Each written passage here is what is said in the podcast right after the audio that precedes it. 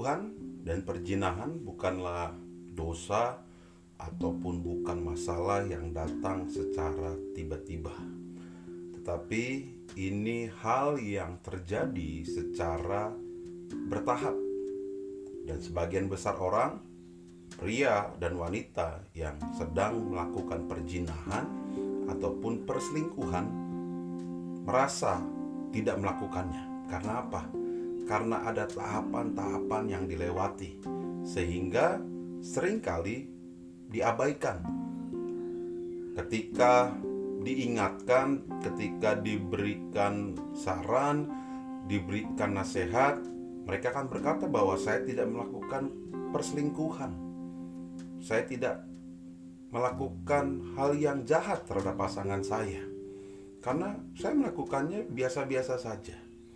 Nah, bagaimana cara kita bisa mengidentifikasi diri kita sendiri ataupun pasangan kita? apakah kita atau pasangan kita sudah melakukan perselingkuhan ataupun perjinahan. Dan saya mau katakan di sini perselingkuhan bukan sering kali dilakukan hanya oleh pria saja. Tapi banyak sekarang ini wanita yang melakukan perselingkuhan ini. Sehingga ini hal yang dilakukan oleh dua gender. Nah, caranya bagaimana kita mengidentifikasi diri kita?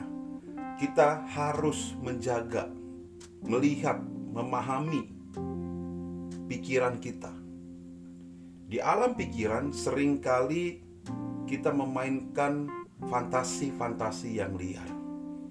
Nah, ini adalah tahap kita berkata seperti ini. Banyak pengandaian. Bagaimana jika seandainya saya bisa. Mungkin saya lebih baik dengan dia daripada dengan suami atau istri saya saat ini. Nah, di pikiran kita, kita terus menanamkan fantasi eh, fantasi-fantasi liar yang seperti ini.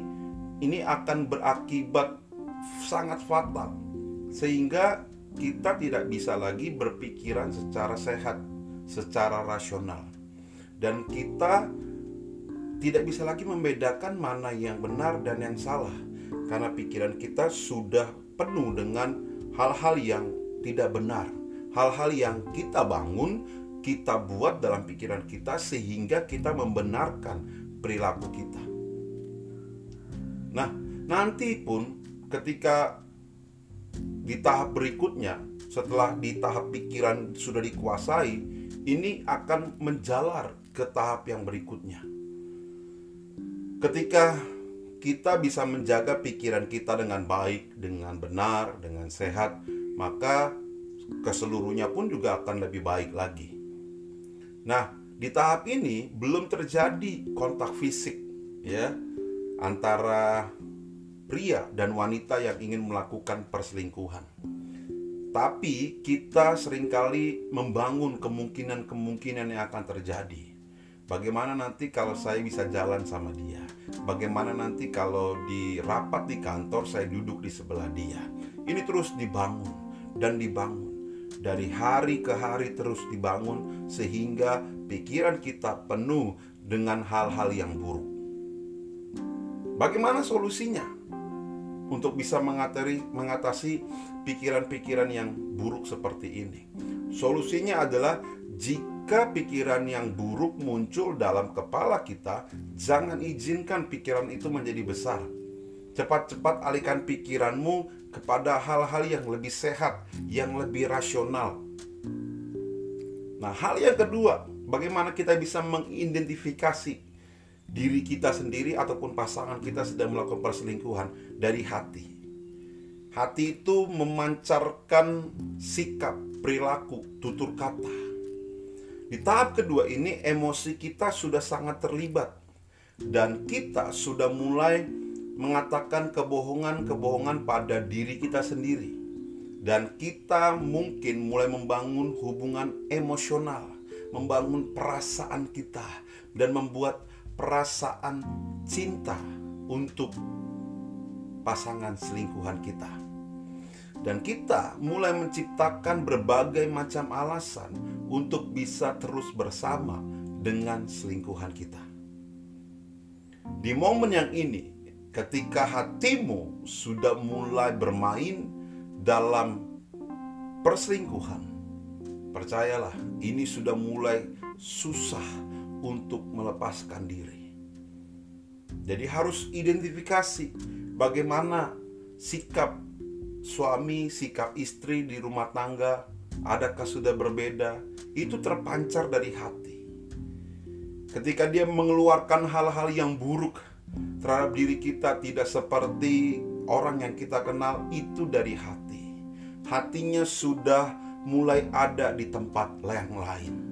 Tidak lagi bersama dengan kita dalam rumah tangga kita. Solusinya yang harus kita ambil adalah kita berdoa kepada Tuhan untuk tetap bisa menjaga hati kita. Dari hatilah terpancar segala hal yang keluar dari sikap perilaku tutur kata kita.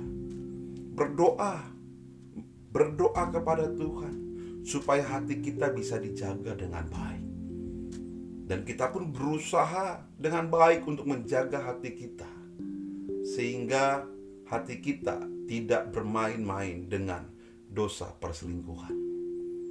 Yang ketiga, tahapnya adalah mulut. Mulut yang kita tidak kendalikan. Pria itu kelemahannya ada di mata.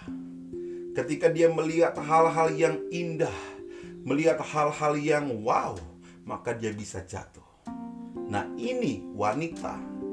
Wanita kelemahannya ada di telinga. Wanita itu senang dipuji, senang diberikan kata-kata yang indah, kata-kata yang manis. Sehingga wanita lebih mudah jatuh. Sehingga apa yang didengarkannya itu membuat hatinya nyaman. Mungkin dia tidak pernah mendengarkan pujian, tidak pernah menerima pujian dari suaminya, tapi mendapatkan pujian itu dari pria lain. Ini bisa membawa dalam perselingkuhan. Mulut yang tidak dikendalikan. Pria bisa berkata-kata pujian kepada calon selingkuhannya. Memuji luar biasa sangat baik. Ya, memuji hal-hal yang tidak dilakukan, wah itu sungguh luar biasa. Jadi solusinya adalah fokus kepada hal-hal yang baik dalam pernikahan dalam rumah tangga kita. Sehingga nantinya kita bisa memberikan motivasi melalui perkataan-perkataan kita dalam rumah tangga kita. Nah, yang terakhir, tahap yang terakhir dalam perselingkuhan ini, dalam perjinahan ini adalah hubungan fisik.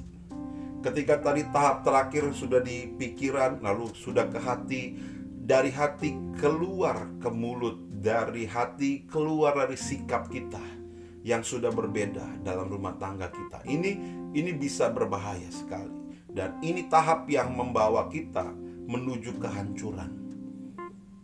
Sehingga kita sudah melupakan segala sesuatunya dan melupakan hal-hal yang benar dalam rumah tangga kita ketika sudah melakukan hubungan fisik antara pria dan wanita melakukan perselingkuhan, perjinahan, maka ini sudah sangat fatal. Dan kita harus buru-buru kembali mengingat setiap apa yang sudah kita komitmenkan bersama dalam rumah tangga kita.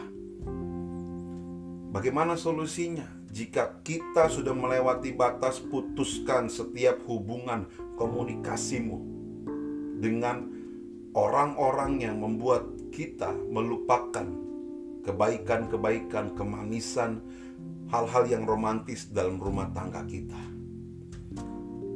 Jadi, saya mau ingatkan sekali lagi bahwa perselingkuhan dan perjinan ini bukan datang secara tiba-tiba, tapi ini dibangun dari satu momen dari satu tahap ke tahap yang lain. Jaga komitmen pernikahanmu dan tetap jaga cintamu, rasa sayangmu terhadap suami dan istrimu. Dan selamat menikmati kebaikan dan cinta dalam rumah tanggamu.